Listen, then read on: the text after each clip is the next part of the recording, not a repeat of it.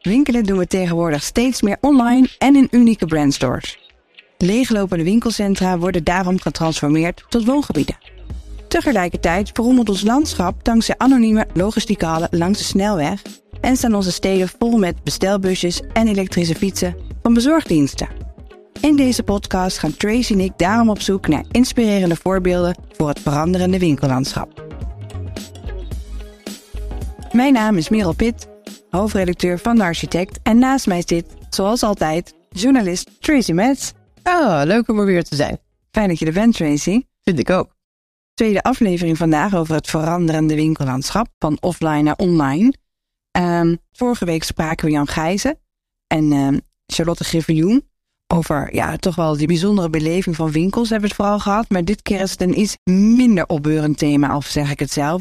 Over de leeglopende winkelcentra, veelal in middelgrote steden. Kom jij wel eens in zo'n winkelcentrum? Als ik het kan voorkomen, uh, uh, doe ik dat. Maar ik ken wel natuurlijk in de VS het fenomeen van de dead malls. Gigantische, achterhaalde, treurige winkelcentra. Honderden, duizenden vierkante meters waar helemaal niets meer gebeurt. Zo zonde van de ruimte. Ja, en alle materialen die daarin zitten. Oh, wat een verspilling, ja. Maar jij uh, komt, zoals ik woon hier in Rijswijk. En uh, op 10 minuten fietsafstand heb ik dus in de Boogaard zo'n winkelcentrum. Ik kom daar dus wel eens, tien jaar lang al. En uh, het is eigenlijk wel een beetje een verdrietige situatie hoor. Het werd steeds leger. Toen ik eerst kwam was dat er nog een V&D en een grote Hennis en Maurits. En ja, eigenlijk staat dat deel van het winkelcentrum nu helemaal leeg. En alles schuift steeds verder op. En er is nog wel één pleintje waar ik dan altijd een softijsje eet met mijn kinderen. Maar het blijft wel altijd een fijne plek om naartoe te gaan voor je dagelijkse dingen. Het is gewoon handig. Het is handig. Mm. Nou, dat is ook belangrijk voor een wijkwinkelcentrum. Ja, maar het is eigenlijk te groot om handig te zijn. Dus mm. ik ben heel erg benieuwd. Vandaag gaan we het erover hebben. Wat er nou gebeurt met die winkelcentra om daar weer leven in te krijgen. Het softijsje is voor je kinderen het hoogtepunt van de week? Nou ja, ik hoop dat ik ze heel veel bied in het reden. ik weet niet alleen of dat een softijs is. Wel van uh, dat ze dan mee moeten om schoenen te kopen of zoiets. Ja. Uh, is de softijsje wel belangrijk. Zeker. En met wie gaan we vandaag praten? We hebben vandaag weer twee gasten bij ons. Martijn Eksterkaten is economisch geograaf en is afgestudeerd op gemeentelijke interventies en de aanpak van de winkelleegstand. Hij is een van de weinige mensen die ik ken die ook doet dat waarin hij is afgestudeerd. Dat klopt. Ja. En volgens mij heb je daar heel veel plezier in. Je vertelt er aanstekelijk over. Ga je zo doen. Je, werkt bij, uh, je werkte bij uh, Primark en Intertoys en Toys R Us om echt on-the-ground retail ervaring op te doen. Maar nu ben je retailadviseur bij Stack Group. En het doel is nu vitaler maken van binnensteden. Dus heb je te maken met gemeenten, vastgoed, uh, buurtcentra, woonboulevards, van alles. En je werkt nu met name in middelgrote steden. Dat klopt. Ja, we zien dat de opgaven eigenlijk groot zijn in die middengrote centra, middengrote steden, omdat daar de meeste ketens ook zijn weggetrokken. Uh, maar er ook heel veel opgaven liggen op het vlak van vergroening, uh, aanpak van gevels, uh, verduurzaming, et cetera. Dus al die opgaven komen samen. Oké. Naast jou zit Han Dijk. Jij was in 2006 oprichter, oprichtend partner van Posat. En dat is nu Posat Max One. Veel ervaring met grote, complexe opgaven, stedenbouwkundig bureau met grote groepen stakeholders. En een van jullie speerpunten is gezonde verstedelijking. Vind ik een mooie term. Uh, op dit gebied voor onder andere Utrecht en Rotterdam. Je hebt als stedenbouwkundige gewerkt aan in de Boogaard in Rijswijk. Maar ook in Utrecht Overvecht en in de Orangerie in Apeldoorn. Dus echt een ervaringsdeskundige. Ja, klopt. Ja. Ik, uh, er zit heel veel in van de naoorlogse wijk en het winkelcentrum en heel veel van die problemen die, die overlappen, wat die Martijn net ook eigenlijk uh, noemt. En mm. de, de, de, interessante opgave om, om aan te werken. Hebben jullie ooit samengewerkt? Nou, niet tegelijk samen, maar wel in volgtijdelijkheid. Want ik heb eerder ook gewerkt voor in de Boogaard. meer vanuit een markttechnisch perspectief van hey, hoe ontwikkelt dat centrum zich door. en eigenlijk is volgens mij hand bezig met, het, met de oplossing. Dat doe jij dus niet, Martijn? Uh, ja, maar wel vanuit uh, onderzoek en advies en de uitvoering uh, en die kant niet. En niet het ontwerp zozeer? Niet nou, het ontwerp. een goed duo hebben we hier ja, bij elkaar. We beginnen met Martijn, die gaat ons een overview geven en dan, daarna naar Han. Die met zijn uh, voet in de modder staat.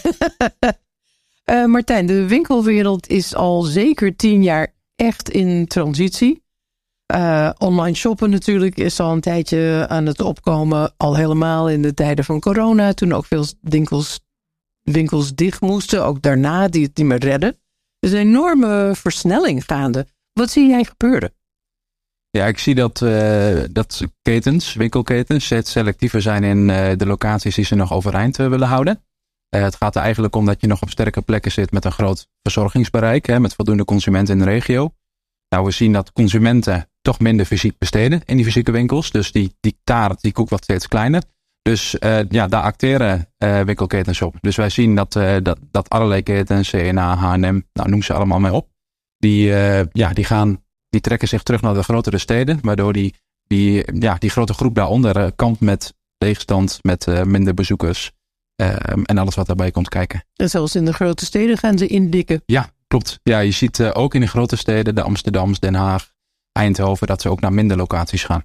Dus ehm, de Kalverstraat als voorbeeld in Amsterdam, nou daar zaten vier, vijf H&M's, meerdere Jack Jones. Nou, dat zijn nu minder in één straat. Dus ook daar zie je dat wel wat gaten gevallen zijn we denken beter na over wat we waar willen doen. Misschien is dat dus niet alleen maar slecht. Nee, zeker niet. Nee, en, en vaak gaat het ook gepaard met meer beleving in zo'n winkel. Er worden ook vaak meer flagship stores, waar ik veel meer service, aantrekkelijke, aantrekkelijke etalages, uh, uh, meer aandacht ook voor de consument. Dus er zit ook echt zeker wel een positieve uh, tendens, denk ik, in. Ja. Je houdt je vooral met middelgrote steden bezig. Je noemde als voorbeelden Hogeveen, Roermond, Almelo. Waarom is dat? Ja, juist omdat wat ik net beschreef, uh, dat juist daar die winkelketens zeg maar, uh, zich terugtrekken. Consumenten zoeken naar een aangename beleving uh, en eigenlijk ook naar een compleet aanbod. Een compleet aanbod, winkels, horeca, cultuur, dienstverlening. En met name die grotere binnensteden, ja, die voorzien daar veel meer in. Dus je ziet eigenlijk dat de consument ja, iets kritischer is en welke plekken ga ik nog bezoeken voor een dagje uit. nou, en dat is toch vaker in die grote binnensteden, maar ook wel in die historische binnensteden. Was dat niet altijd al zo? Um, je gaat uh, lokaal voor je handige dingen, zoals Merel net omschrijft. En je gaat naar de grote stad voor een dagje stad, shoppen, een beetje rondslieren. Ja. Beleving. Beleving, ja. ja. Ja, het was, uh, het was altijd wel zo natuurlijk, want je wil ook variatie in de plekken die je bezoekt. Maar we zien daar wel duidelijk een verschuiving uh, in gaande. Maar je hebt je ook met de grote steden bezig gehouden, Martijn. Want je hebt, uh, Stek heeft samen met het bureau Bura Urbanism een onderzoek gedaan in opdracht van drie ministeries en de zes grote steden over ook de aanpassing van het winkellandschap daar. Dus die blijven niet buitenschot. Nee, zeker niet. Eigenlijk zag je er, uh, ja, dat het in het begin van de coronaperiode aan het kantelen was. Waar de grootste binnensteden het eigenlijk nog tot aan de coronaperiode ja, heel goed deden. Uh, um, ja, kampten zij met uh, wegblijvende toeristen. Uh, met veel mensen die thuis werken. De grote steden hebben ook veel kantoorfuncties nog in die binnensteden. Uh, die ketens, hè, waar ik net beschreef, die ook selectiever zijn. Dus ja, je ziet eigenlijk dat die grote binnensteden veel meer zijn gaan schakelen. En ze hadden eigenlijk ons, gezamenlijk met de ministeries, dus ons en bureau gevraagd om ja, eens een beeld te schetsen van de opgaven die op die grote binnensteden afkomen. En dan gaat het om die mix. en dan gaat het om de mix van winkels, horeca, dienstverlening, cultuur, maatschappelijke functies. Maar ook om vergroening, verduurzaming, aanpak van ondermijning, uh, verschraling van het aanbod. Dat hebben wij voor ze in beeld gebracht en ook aanbevelingen gedaan van hey, waar, moet, waar moeten de, de gemeente, het Rijk, maar ook vastgoedpartijen, ondernemers gezamenlijk mee aan de slag. Een van de opdrachtgevers was Justitie en Veiligheid, een van die drie ministeries. En ik heb echt met rode oortjes dat gedeelte gelezen over de ondermijning. Uh, crimineel gebruik van vastgoed, uh, witwassen van geld via vastgoed ik had er niet eerder bij stilgestaan, dat zal wel mijn eigen naïviteit zijn, dat dit zo'n rol speelde in de veranderingen in ons winkellandschap. Ja, zeker. Ja, dat... Ben je ervan geschrokken? Ja, zeker wel. En dat is wij ontvangen echt signalen, zeker van de grotere gemeenten, dat die problematiek ja, gewoon echt groot is. Zeker in aanloopstraten, dus een beetje de radialen om die hoofdwinkelstraten heen. En dat heeft hem alles te maken met dat, dat wat plekken leeg zijn komen te staan. Uh, en dat er allerlei ja, bedrijfjes zeg maar, uh, zich zijn gaan vestigen die ja, waar feitelijk uh, niet heel veel activiteit plaatsvindt. Hè? Oh, in, het kader van ondermijning, witwaspraktijken, et cetera. dan gaat het om schoonheidssalons, bepaalde vormen van horeca. Ja, dat speelt echt in die grote binnen. En hoe krijg je het nou goed in beeld? Dat lijkt me best ingewikkeld. Ja, nou, het is vaak een samenzet van factoren. Het gaat ook vaak om de plek, om de locatie. Vaak zie je toch dat het ook wel plekken zijn die wat goede uitstraling hebben. Ook in het straatbeeld, panden die wat aan het zijn. ja, het ondernemerschap zie je afgeleiden. Dus ja, zo'n gebied zit in zo'n neerwaartse spiraal. en dat versterkt elkaar heel erg. En het probleem is dus ook dat veel gemeenten worstelen met het goed in beeld brengen van waar, waar spelen dit soort praktijken zich nou wel en niet af.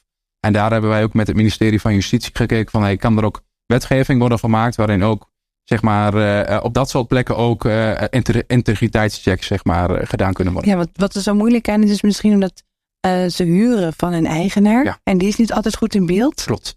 Ja, dat speelt mee. dat is eigenlijk ook een hele grote reden. Hè, want um, ja, je hoopt eigenlijk dat een pandeigenaar ook eh, heel actief betrokken is bij het vastgoed. En dat zijn ook veel pandeigenaren, maar niet iedereen. Uh, en je komt er niet dagelijks als pandeigenaar, zeker niet als jij zelf ook niet actief bent uh, of je vestiging hebt in die stad. En het wordt ondermijning, omdat dan de context eigenlijk ook dat nog ja, draagt. En eigenlijk dat oké vindt, terwijl ze zien dat het gebeurt. Dus het is ook een sociaal-economische opgave. En niet alleen voor retail, maar juist dat mensen behoefte hebben aan dat er iets gebeurt. En dan soms het nog ja, dan maar oké vinden dat daar criminele praktijken plaats. Dus eigenlijk weten de andere winkels, gebruikers van het gebied, weten het dat het speelt. Ja, ondermijning is natuurlijk uiteindelijk een soort van dat je vertrouwen hebt in, uh, ja, in, in eigenlijk andere systemen dan wat we hier als rechtsstaat hebben geleverd. En dat, ja, dat maakt het zo'n complex probleem waarbij uh, de, de ministerie van Justitie en eigenlijk de, nou de Belastingdienst en dat er een, een hele clubpartij eigenlijk hier iets aan zouden moeten doen. Maar ik denk dat de kern zit in een sociaal-economische opgave, bij de wijk ja, eigenlijk uh, ja, meer ondersteuning moet krijgen bij het verbeteren van hun leefomgeving. Dus de oplossing is eigenlijk heel erg lokaal, heel klein. Uh, ja. Terwijl het probleem op hele grote schaal speelt. Zeker. Ja, ik denk inderdaad sociaal-economisch. Ik denk dat het ook wel, ook wel een vastgoedopgave. Je ziet dat de soort plekken ook vaak wel monofunctioneel zijn. Lege verdiepingen, lage panden. Dus je zou kunnen kijken hoe kun je ook wat meer multifunctioneel zo'n gebied inrichten. Met meer woningen optoppen. Waardoor je eigenlijk ook s'avonds veel meer levendigheid hebt. Maar ook veel meer sociale controle ook in zo'n uh, gebied. Ja, die levendigheid, die lege winkels. Uh, dat is een, echt een evergreen in het praten over het veranderende winkellandschap. Hoe lang hoor ik niet over wonen boven winkels? Gaat het nou eens een keer lukken? Ja, wij zien best wel een positieve tendens daarin in de afgelopen vijf jaren. Uh, gelet op de grote druk op de woningmarkt. We zien dat best wel veel verdiepingen, juist de afgelopen jaren waar het heel lang stil lag, uh, ja, zijn omgebouwd. Best wel veel bouwprojecten ook als je door de binnensteden loopt. Ehm, nu is wel een kanteling zichtbaar. Hè, want de woningmarkt ja, staat echt op een kantelpunt. oplopende rente, bouwkosten, et cetera.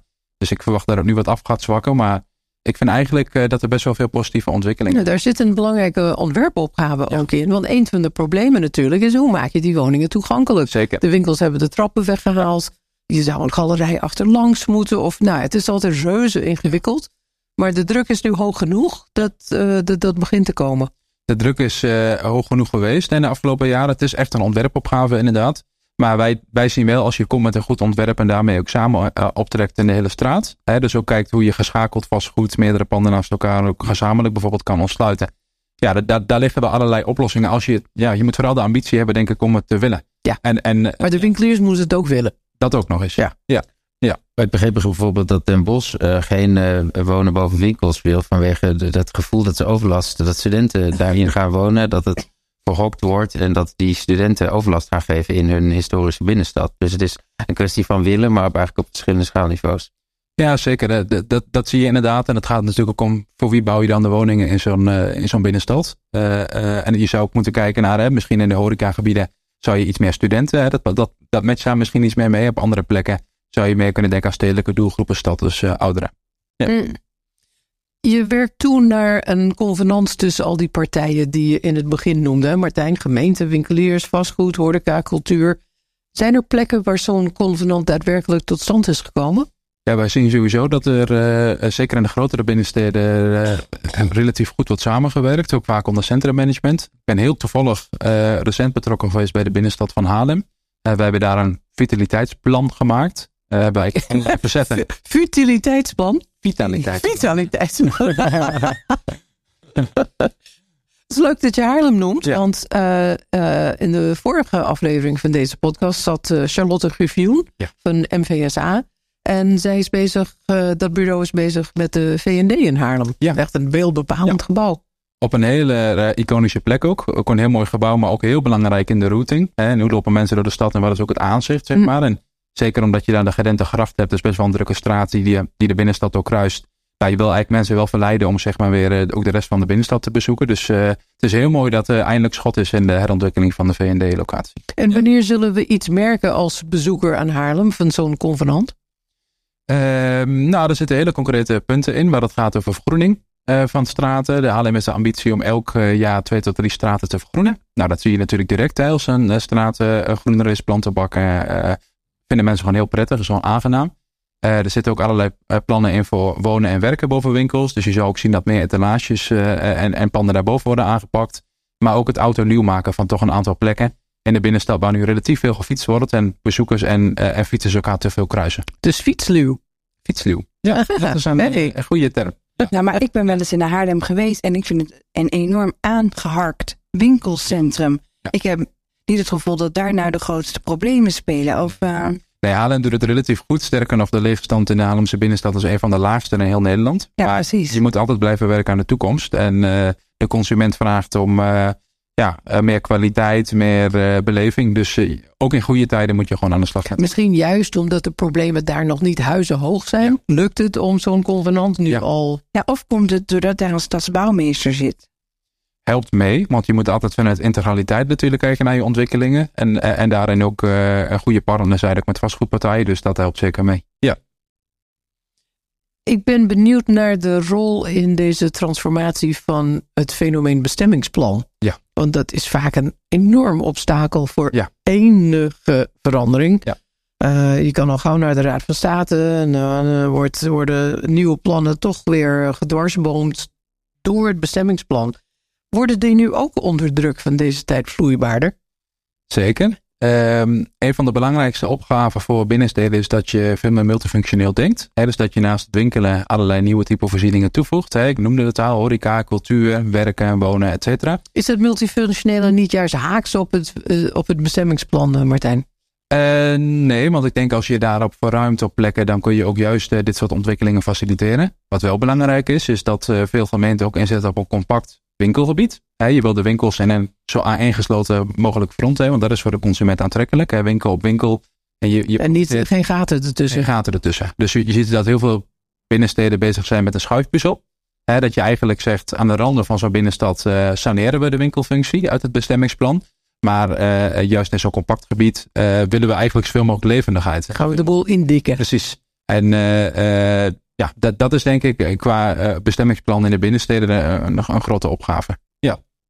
En is dat moeilijk om een bestemmingsplan ja, te moderniseren? Dan moet je natuurlijk wel goed samenspraak ook doen met, met vastgoed en ondernemers in je stad. En wel vanuit een gedragen plan, gedragen visie. En je lokale criminelen, weet ik nu. Dat ook nog eens. ja, nou, ja, goed, die moet je denk ik ontmoedigen op andere manieren ook in je stad. Eh, eh, maar het is wel gewoon een hele belangrijke randvoorwaarde. Zo'n eh, ja, zo'n bestemmingsplan om wel gewoon met elkaar die stappen te zetten. Komt er nu zo langzamerhand, eh, we zien, we hebben de hè, opkomst van online. Eh, eh, de online winkels kregen het moeilijk. We zien nu allerlei interessante mengvormen. Daar ging de vorige aflevering ook over. Heel interessant. Eh, eh, jij zei Merel, je gaat naar een winkel en dan koop je niet het product. Ze zeggen nee, wanneer bezorgen we het bij je? Ja, dat je daar alleen naar, naartoe gaat om het te voelen en aan te raken. Of misschien te passen als het kleding betreft. En dan wil je het meenemen. Maar dat is eigenlijk niet mogelijk. Want ze hebben geen magazijn om genoeg voorraad te hebben. Fascinerend, al die nieuwe mengvormen. Wat, i- hoe, wat is de verhouding nu in jouw visie als man van de praktijk tussen dat online eh, en de fysieke winkels? Online winkels gaan ook fysieke winkels Ja. openen. Ja, dat Dat is, moet niet veel gekker worden. dat is een hele interessante ontwikkeling. Eh, sowieso zien we wel een herwaardering van de fysieke winkel, eh, moet ik zeggen. Zie ik ook in de cijfers als ik die online bestedingen ook eh, de ontwikkeling daarvan bekijk. Om te kijken of om te kopen. Nou, het gaat eigenlijk om die combinatie. Het is, kijk, voor een merk is het steeds minder belangrijk of een aankoop ook in een fysieke winkel plaatsvindt. Want het gaat er gewoon om dat mensen bij je kopen, dat, mensen, dat je je, je bindt aan een merk. En het feit dat je je euro's besteedt in een fysieke winkel of online, wordt ja, minder belangrijk. Gaat het erom dat je gewoon vaker ehm, de mensen of de consument raakt. En dat Ja, is dan, kan als online zijn, en, maar dat fysiek draagt daar dan aan bij. Zeker. En ik denk ook dat dit een enorme kans is voor het winkellandschap. Hè? Als, als je als partij of als lokale ondernemer hierop in weet te spelen. Door die beleving te bieden in die winkel. Dat je consumenten bindt aan je merk. Dat je er, uh, dat je er bent voor de klant. Hè? Een fysiek gezicht. Uh, uh, dat je kan proberen, kan proeven, et cetera. Daar, daar ligt de toekomst. En wat ook zo interessant is, is dat we inderdaad zien dat steeds meer webwinkels nu juist fysieke winkels aan het openen zijn. Hè? Omdat Zoals wie? denk aan een Coolblue, My Jewelry, uh, Pink Shellac. Uh, dus een nagellakwinkel, hè? Nagellak. Een hele winkel ja. gevuld met nagellak. Ja. Hoe krijg je het vol? Ja. Nou, die spreekt heel veel goede en jonge doelgroepen. Oh, dat, dus, dat geloof ik graag. Veel glitter. Precies, ja. Dus uh, ik denk als je daarop inspeelt. En uh, wat, wat ook interessant is, is dat blijkt uit cijfers dat wanneer webshops een fysieke winkel openen. Nou, je zou misschien verwachten, dan daalt die online omzet, hè, want dan kopen mensen het wel in de winkel. Nee, 30% mee omzet als je je fysieke winkel opent, zeg maar. Dus, uh, dus daarna het heel erg zien dat die strategie online, offline super belangrijk is. En daarmee denk ik eigenlijk dat als we nu tien jaar verder kijken, dat die fysieke winkels veel aantrekkelijkere plekken worden. He, minder, minder stapels met allerlei producten, minder schappen, maar veel meer een fijne ervaring. Uh, het cadeautje inpakken, die service, het kunnen retourneren, et cetera. Het cadeautje inpakken, grappig. Ja, we hebben het ook in de vorige aflevering over gehad. Ja, Jan Gijzen had het over uh, het adviseren van een boekwinkel. Dan hadden ze gezegd, nou, je kan ook tijd besparen door de cadeautjes niet in te pakken. Of de, de boeken niet in te pakken. Nee, dat is juist heel belangrijk. Ja. Bieden we de klant juist een, uh, een, uh, een soort cadeautje. Ja, dat is hem. En we hadden het er ook wel veel over. En ja, ze hebben het ook de hele tijd over die beleving en die brandstores. Maar het vraagt ook heel veel van het interieur. En, ja. um, maar ook, dat is best wel vluchtig. Ja. Hoe sta je er tegenover? Uh, nou, ik denk dat je als ondernemer constant moet aanpassen aan de veranderende markt. En uh, interieur, kleurstelling, uh, image, branding, ja, dat speelt er allemaal mee. En dan flikker je dat oude interieur gewoon op straat voor het grofvuil? Nou, dat weet ik niet, want ik denk dat ook de circulaire economie steeds meer aandacht ook krijgt en dat daar ook steeds meer toepassingen in zijn. Dus, dus daar zou ik niet voor pleiten, maar jij volgens mij ook niet. um, maar het is gewoon heel belangrijk dat je relevant bent voor je doelgroep. En je moet constant blijven werken aan het contact met die jongere doelgroep, met die oudere doelgroepen, met, met jouw niche. En als, jij dat, als je dat goed aanvoelt als merk, uh, dan, dan win je in deze markt. En dan is er in de winkelmarkt nog steeds heel veel geld te verdienen.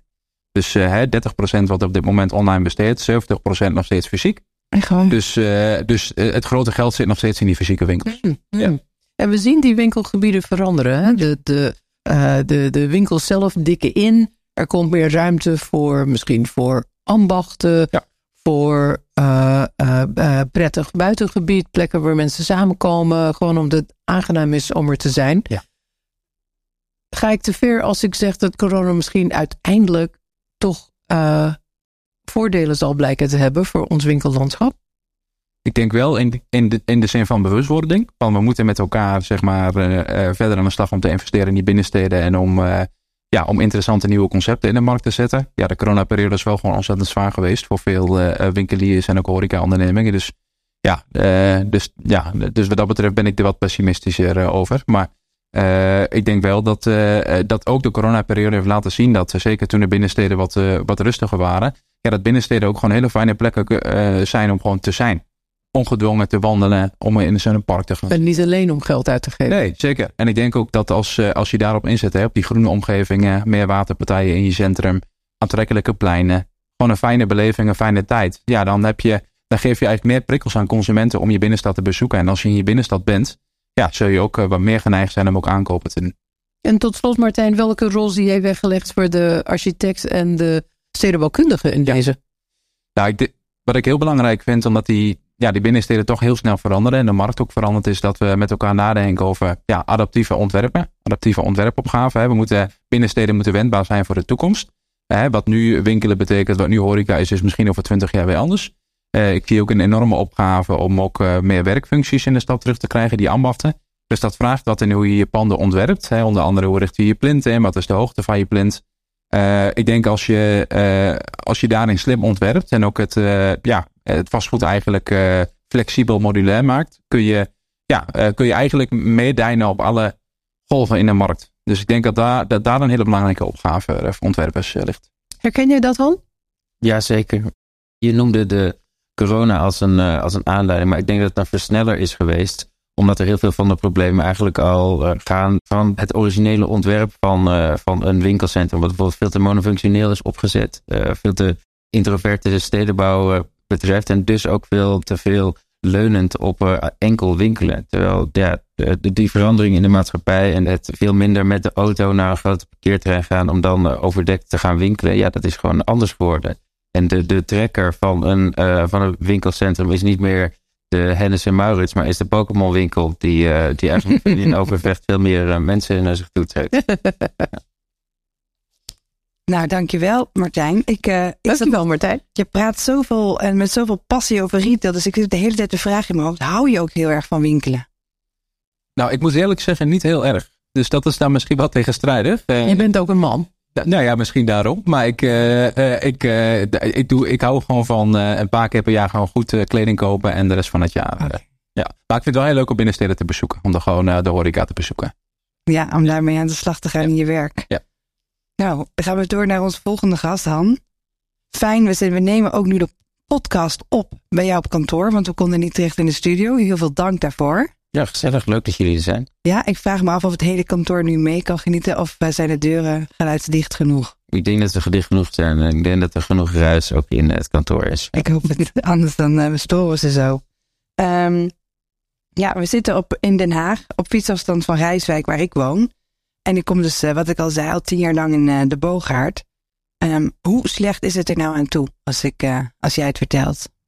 Uh, ja, je, in, het begin, in de intro maakte je er wel echt een heel evil black van. Maar ik denk dat intussen dat er wel best wel veel verbeterd is. Maar er waren natuurlijk best wel wat urgenties. Het stond bekend als een van de, de, meest winderige pleinen van Nederland. Het Bogaardplein. er was 30% leegstand. en, maar de, ja, het is ook heel anders dan een gemiddelde binnenstad. Dus de, de, het is geen binnenstad. Nee, het is echt de wederopbouw. Uh, een winkelcentrum vergelijkbaar met de lijnbaan. Uh, gebouwd in de jaren zestig. Waarbij er heel erg geleund werd op uh, die idealen. Waarbij de auto een grote rol speelde. En waarbij dus de, ja, de barrières ten opzichte van de rest van de stad heel erg groot waren. De, de, het, het monofunctionaliteit en dus, heeft niks met een binnenstad te maken. Stedelijkheid is gedijt ook bij mix en menging. dus niet alleen maar winkelen, maar ook gewoon ja, geen inwoners eh, die er zitten, waardoor het eigenlijk maar een hele kort deel van de dag eh, levendig is.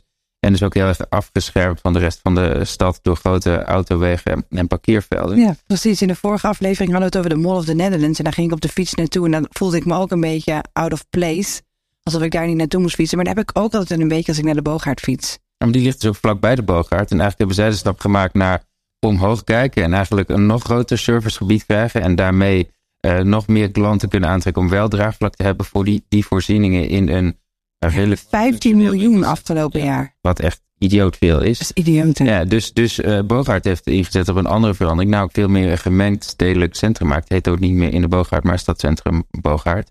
Uh, waarbij er ook veel meer inwoners worden toegevoegd en veel meer ingezet wordt op verblijven, recreëren. Dus dat er uh, percentages aan maatschappelijk uh, fastfood, um, retail, leisure wordt toegevoegd, zodat het verblijven en meer uh, dat er eigenlijk andere zones ook in het, uh, in het gebied gaan ontstaan, in plaats van alleen maar het monofunctionele winkelen. Ja, nee, en misschien moet ik inderdaad ook niet te zwart zijn over de bogen. Waarom we hebben besloten om er ook een artikel aan te wijden in de architect, is omdat ik zo tof vind dat je al ziet dat ze daar echt aan het werk zijn.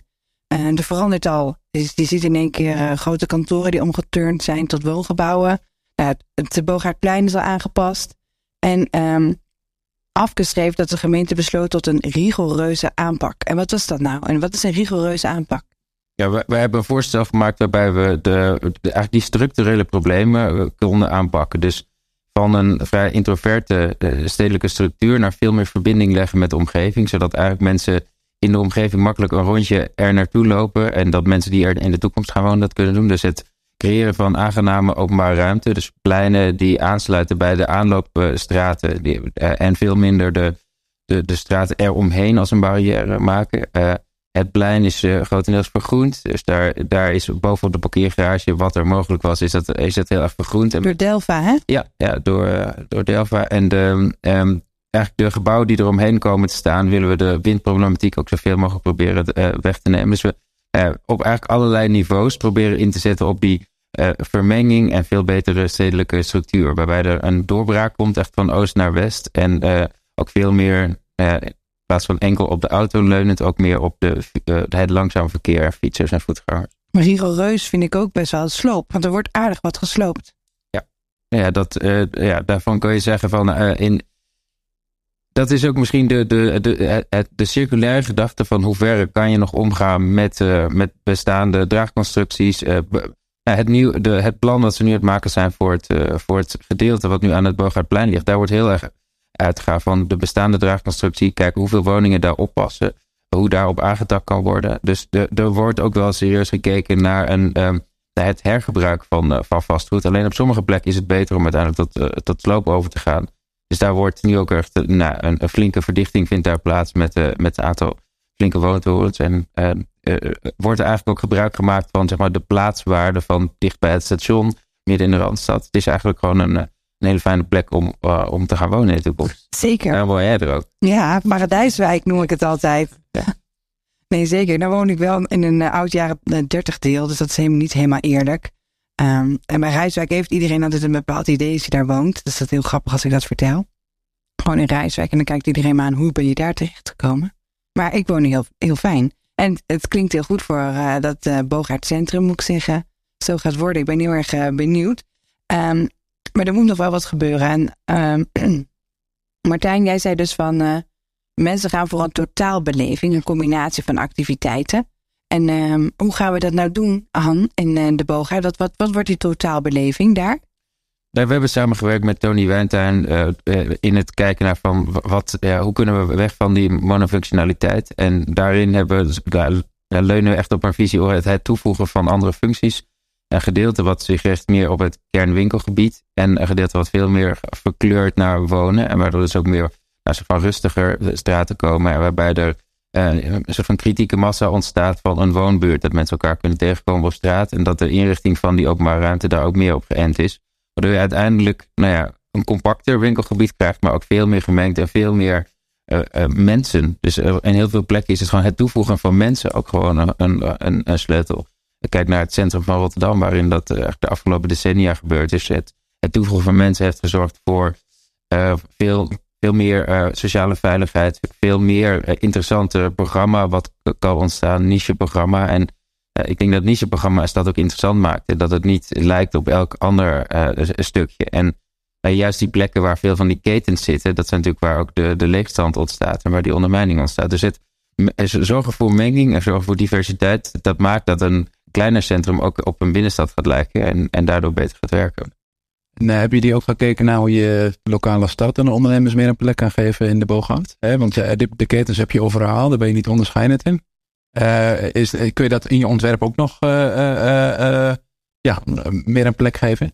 Ja, de, de, ik denk dat, um, volgens mij noemt Tony dat lokale helden. dus aan mensen die, die echt bekend staan, die echte ondernemers zijn, die bekend staan in de, in de buurt en die eigenlijk wat voor onderneming ze starten ook tot een succes maken. Er is wel naar gezocht in Rijswijk, maar die waren wel, dat was wat dunner gezaaid. Dus uh, er was één heel fijn pleintje, het Bomenplein, met een koffiezaak. En die mensen die hebben ook geprobeerd om, om ja, in de nieuwe situatie ook weer een plek te geven. Maar het, het overbruggen van een, van een verbouwing voor ondernemers is heel iets anders dan de eigenaar van, een, van, een, van vastgoed. Hè. En nou, al die Nee, die ziet het wel uit, die eigenaar. Ja. Maar zo'n ondernemer moet gewoon geld verdienen. Ja, moet je gewoon slim over nadenken van hoe kan je daarin omgaan in de tijdelijke situatie. Dat ze niet te vaak eh, hoeven te verhuizen om uiteindelijk naar die nieuwe situatie te gaan. Dat ze weten waar ze aan toe zijn. Ja. Uh, dus uh, het, het, maar die, de, de lokale ondernemer die, die, die echt iets draagt, die zijn, zijn van groot belang voor dit soort. het is misschien ook een verschil van, hoe denk jij daarover tussen een winkelgebied in de stad en een afgesloten winkelcentrum? In een winkelcentrum heb je geen aanloopstraten waar dingen een beetje kunnen groeien en ontstaan en doorgroeien. Ja, nou, ja um, een, een, binnenstad heeft vaak wel die, die aanloopstraten. En uh, de, de naoorlogse wijk, uh, daar staat ook een heel ander ideaal achter. En de, zeg maar het, de, de scheiding van, van functies, ook hoe we met elkaar zouden moeten omgaan en hoe sociale, sociale ja, uh, hechting tussen, tussen mensen zou moeten werken. En de plek van de auto. En vooral die plek van de auto. En daar, die problematiek uh, die overlapt dus met, uh, met de Bogaard ook heel erg. En dat zie je ook dus in bijvoorbeeld in Overvecht in Utrecht, waarbij een, eenzelfde problematiek zit van heel veel leunend op automobiliteit, waarbij er eigenlijk grote wooneilanden ontstaan met een soort van leeg hart, waarbij je s'avonds heel veel overlast hebt en nou terwijl daar juist ook heel veel draagvlak is voor een soort van nou het derde centrum van Utrecht. En daar een, een gemengd stedelijk gebied van maken. Maar dat vereist dus een rigoureuze ingreep. Uh, en wat het dan moeilijk maakt, is dat er dan ook weer allerlei verschillende eigenaren uh, zijn. Dus het is niet de Mall of the Netherlands met één grote eigenaar en één grote transformatie naar een gedragen transformatie. Maar daar hou ik ergens ook wel weer van, want dan moet het door de hele samenleving gedragen worden. En dan moet je een goed plan maken wat iedereen. Ja, want jullie zijn in Overvecht met een open planproces bezig. Ja. Dus dat betekent dat alle omwonenden, of nou ja, degenen die willen meepraten. Ja, dat, dat is geïnitieerd door de gemeente zelf, de, waarin ze eigenlijk de, uh, hebben gemerkt dat het, ja, dat, het, dat het noodzakelijk is om die complexiteit uh, te kunnen, om daarmee om te kunnen gaan. Dus, en komen daar ook ideeën uit handen of alleen maar bezwaren?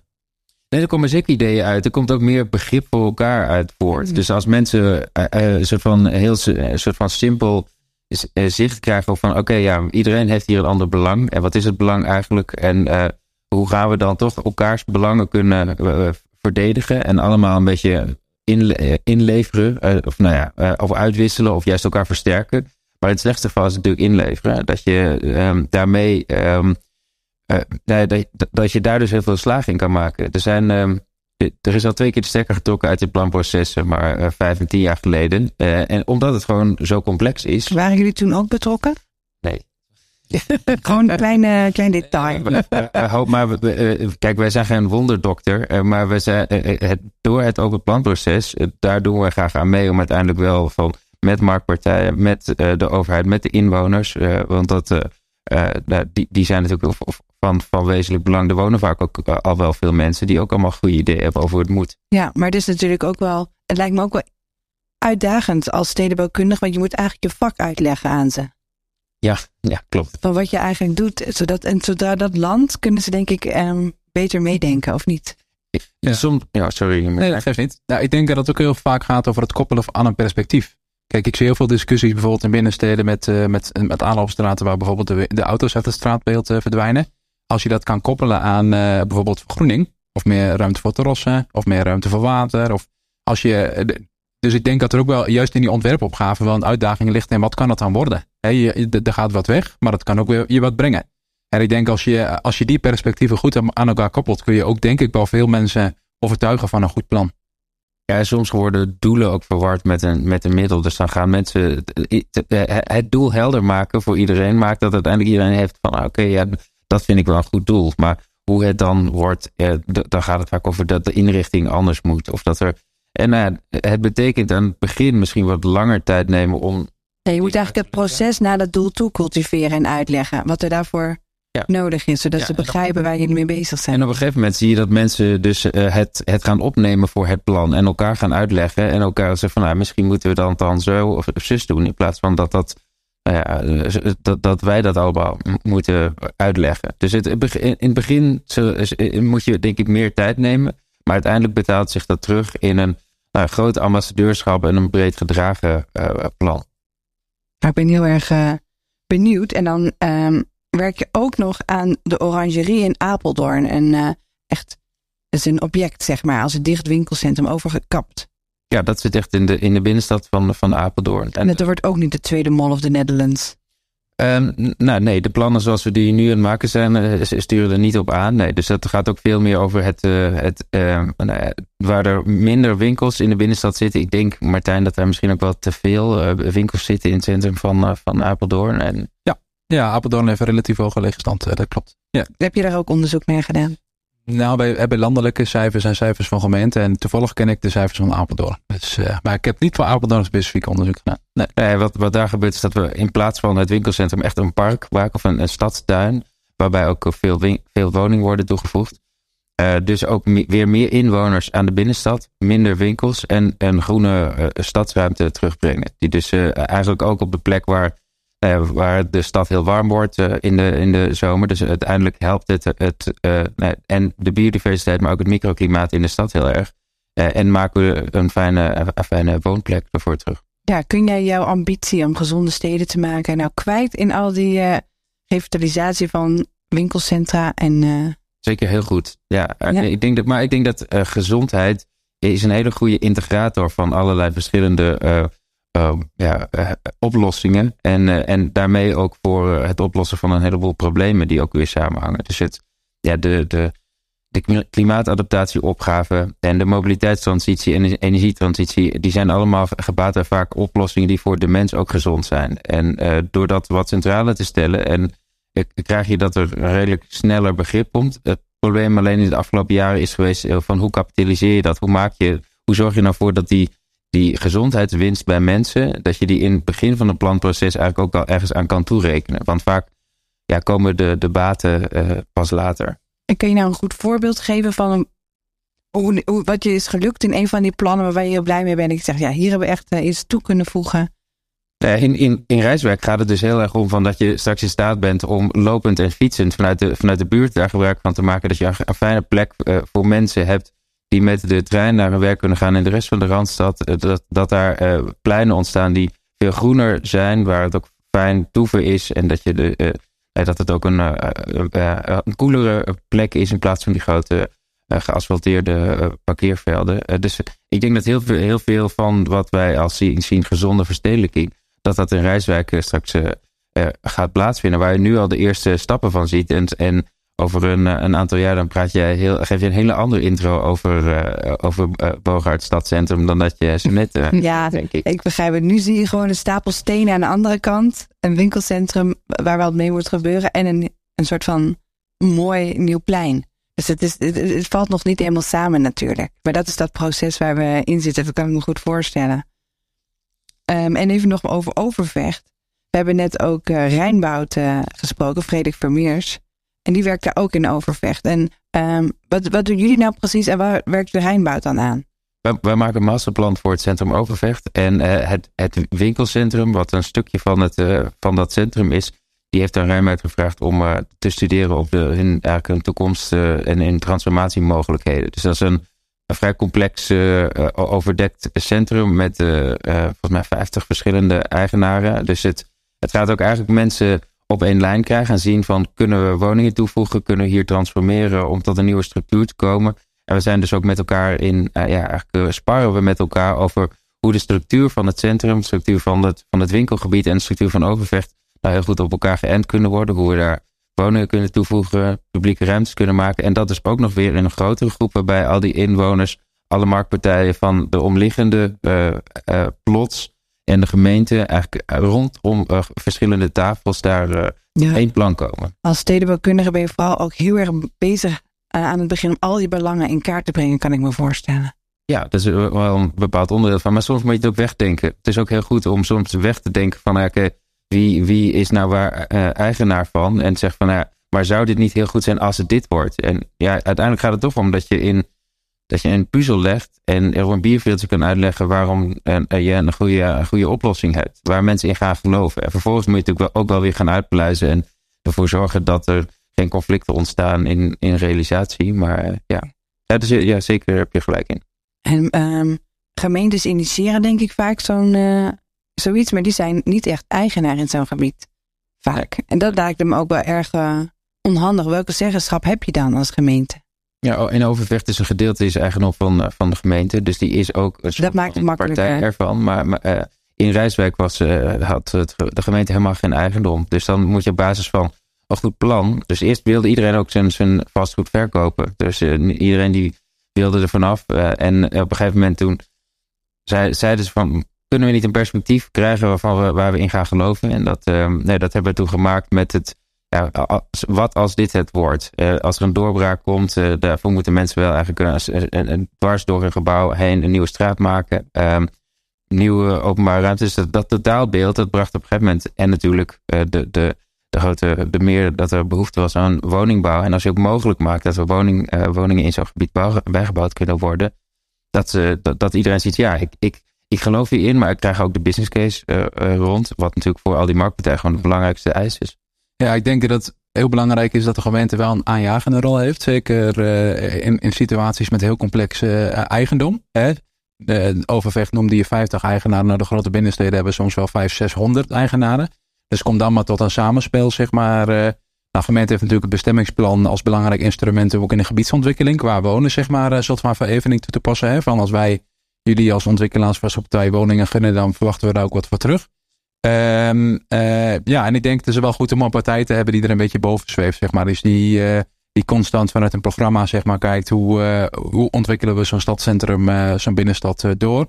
Um, in de openbare ruimte, maar ook waar het gaat over bereikbaarheid, veranderende mobiliteit, et cetera. Dus ja, ik zie gemeente wel als cruciale partner in het hele geheel. Ja, maar het lijkt me soms dan wel lastig als gemeente ja. als je weinig positie Zeker. hebt om. Ja. Ja, dat bleek ook heel duidelijk uit die uh, verkenningsstudie waar we eerder over spraken. In het, uh, het kader van de, de, de grote binnensteden, de grote zes binnensteden en de, en de ministeries. Uh, eigenlijk was een van de conclusies, ja, vastgoed is toch wel de sleutel om met elkaar te komen tot die doorontwikkeling. En hoe kunnen we daar nou ook in sturen? Uh, sturen op die transformaties. En ja, als, als vervolgstap zeg maar, op dit onderzoek worden momenteel city deals uitgewerkt, city deal binnensteden. En daarin wordt ook gekeken hoe, ja, hoe je toch met financieringsarrangementen, dus met bepaalde financiële prikkels, ook uh, uh, vastgoedeigenaren kan verleiden om ook uh, bepaalde interventies toe te passen. En dat is goed gelukt. bij jij en werkt? Of zie je ook wel, ja, dat doen die vastgoedeigenaren, gaan die mee? Ja, zeker. Die staan er heel erg voor open, maar uiteindelijk moet het wel kunnen. Ja. Dus ergens is verdichting is een goed middel om iets voor elkaar te krijgen. Maar het moet nooit het doel zelf zijn. Dus daarom is het natuurlijk een beetje die, die aantallen van die we moeten bouwen, bouwen, bouwen. Dat is een beetje, ja, je moet het wel blijven zien dat het gaat om iets anders. Het is een middel om iets voor en het gaat om? Het gaat om kwaliteitsverbetering. En van gezonde stad. Gezonde stad. Het zorgen dat iedereen fijn kan leven. En kan, uh, dat, is, dat is waar we voor staan. Zeker die naoorlogse wijken. Er zijn gewoon heel veel problemen die we met verdichting kunnen aanpassen. En dat, uh, ik heb het dus ook meer over die die winkelcentra die in die nauwelijks wijk liggen dan die binnensteden. Die binnensteden geloof ik wel dat het wel goed komt. Ik maak me meer zorgen over die grote naoorlogse wijken waar heel veel problemen met elkaar gaan clusteren en ook eigenlijk eh, nog meer voor problemen zorgen. En dat moeten we goed afbellen en, en daar tot oplossing komen. En dat zie ik wel als een belangrijke opgave voor, ja, voor ons. Ja, is het ook omdat in die wijken dan ook veel meer sociale woningbouw en zo is? Vaak zie je dat juist waar er uh, meer dan 40% sociale woningbouw is, dat er echt uh, problemen ontstaan. Een soort van, ja, een beetje ghettovorming uh, dat dat is. En dat heeft gewoon te maken met dat er bepaalde problematieken samenvallen. Nou, ik denk dat het daar niet zo'n probleem is, maar een overvecht bijvoorbeeld wel. Ja, ja in, precies. In Woensel of, ja. Jeetje, dank jullie wel voor dit mooie gesprek. Nog één laatste vraag voor Johan. Hou jij van winkelen? Kom je een keertje naar de Boogaard? Ik hou wel van winkelen, ja. ja. ja. Dus ik, uh, ik, ik, ik, ik, ik, kom graag een keer samen winkelen in de, in de Als het helemaal over tien jaar. ja, leuk. Hartstikke. Uh, ik vind het ergens ook wel, wel jammer. Er is met zoveel visie en geloof hè, aan die, uh, vooral die centra zoals Overvecht en de Boogaars gewerkt. en dat het dan nu dan gewoon een hele andere wending moet krijgen. Maar sommige, de, de, sommige ideeën van toen die kunnen heel goed meegenomen worden in ons, zeg maar, het de wederopbouw modernistische erfgoed proberen we juist wel de, de horizontale lijnen die in het, in, bijvoorbeeld in de architectuur zitten, bepaalde delen van die, van die droogloop en hoe een plint is ten opzichte van een stedelijke laag. Dus eigenlijk de, de laag waarin je nog menselijk contact hebt. Die kun je juist heel erg meenemen ook in, de, in het toekomstige plan voor, voor zo'n gebied. Alleen met een ander programma, een andere menging van, van mono naar mix. Van mono naar mix. Ja. Tracy, we zijn bijna aan het einde van het gesprek. Ja, jammer. Ja, ons fascinerend. Ja, fascinerend. Ja, dank jullie wel. Dank Martijn, dank Han. Graag gedaan. Ja, en Tracy, wat nemen we mee uit dit gesprek? Nou, wat me echt opvalt uh, in beide verhalen is ongelooflijk kort die hele naoorlogse cyclus van het denken over hoe je een stad bouwt is, was, blijkt te zijn geweest. Het is zo kort geleden en nu moet het weer helemaal op zijn kop. We hebben nu andere waarden, andere agenda.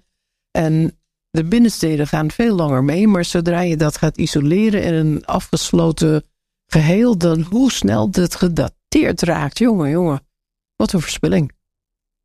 Ja. Dat wordt een moeite om het weer goed te krijgen, hè Han? Ja, eh, zeker. Maar het is met alle goede bedoelingen gebouwd natuurlijk. Ja. We moeten niet vergeten in wat voor omstandigheden we ook toen zaten. Ja, andere samenleving. Andere problemen op te lossen. Ja. En, en uh, het integrale eh, stedenbouw is, is, ja, is, is wat we nu meer gaan bekijken wat een goede oplossing is. Maar ja. Ja, Nou ja, het zijn in ieder geval, er is volgens mij zat werk in ieder geval voor jullie allebei om uh, hier nog mee bezig te gaan. Niks te klagen. Niks te klagen, nee. Dus dat is fijn. Ik zit hier bij Post en uh, ik heb hier een tijdje gewerkt, maar inmiddels is het kantoor verdubbeld. Dus uh, dat gaat al de goede kant uit. Nou, dank jullie wel nogmaals. En dan kijk ik nog graag even vooruit naar de volgende aflevering. Dat is dan alweer de laatste en de, de derde en de laatste aflevering in deze reeks. Dan, Tracy, pakken we het even, gaan we naar een andere kant uit. We gaan het hebben over de verdozing van ons landschap, die al dat online shoppen met zich meebrengt. Hebben we niet voorzien. Zoals we ook de gevolgen van die uh, afgesloten naoorlogse winkelcentra niet hebben voorzien, hebben we niet voorzien wat dat online winkelen teweeg zou brengen in ons landschap. En ook dat de dozen zo groot zouden worden. Want dat zoveel. Ja. Nee, dus daar gaan we praten, over praten met Marie Wistiaau van het Belgische architectenbureau Wilma Wistiaau. Zij heeft zich met haar bureau, dat ze runt met uh, haar vader en haar man, totaal um, geconcentreerd op industriële architectuur. Zij funkt industrial architecture, staat er op een website. Dus ik ben heel erg benieuwd. In Funk We Trust staat er zelfs. Dus nou, zij heeft uh, alle vertrouwen in dat zij dat op een goede manier uh, antwoord uh, aan kan geven aan die ontwerpopgave. En ook hebben we uitgenodigd Merten Neps, want hij biedt een overkoepelend perspectief van ja, hoe je nou om kan gaan met die verdozing van het landschap. Hij is er zelfs op aan het promoveren. Ja, mooie titel, Landscapes of Trade. Ja, ja. hij weet er echt superveel van af. En hij is ook voor de architect naar een goed voorbeeld gegaan. In Parijs, Chapelle National, heeft hij uh, bekeken en uh, schrijft hij over. Dus daar zal hij vast ook veel over vertellen. Hou onze socials en nieuwsbrief in de gaten, want de volgende podcast komt op 6 maart online. En dan nog aan het einde een kleine disclaimer. Onze podcast is voor iedereen gratis te beluisteren dankzij onze abonnees. Luister je de podcast graag? Overweeg dan eens een abonnement op de architect. Dan steun je ons en kunnen Tracy en ik volgend kwartaal weer een reeks maken. En die reeks wordt net zo mooi als deze. Zeker.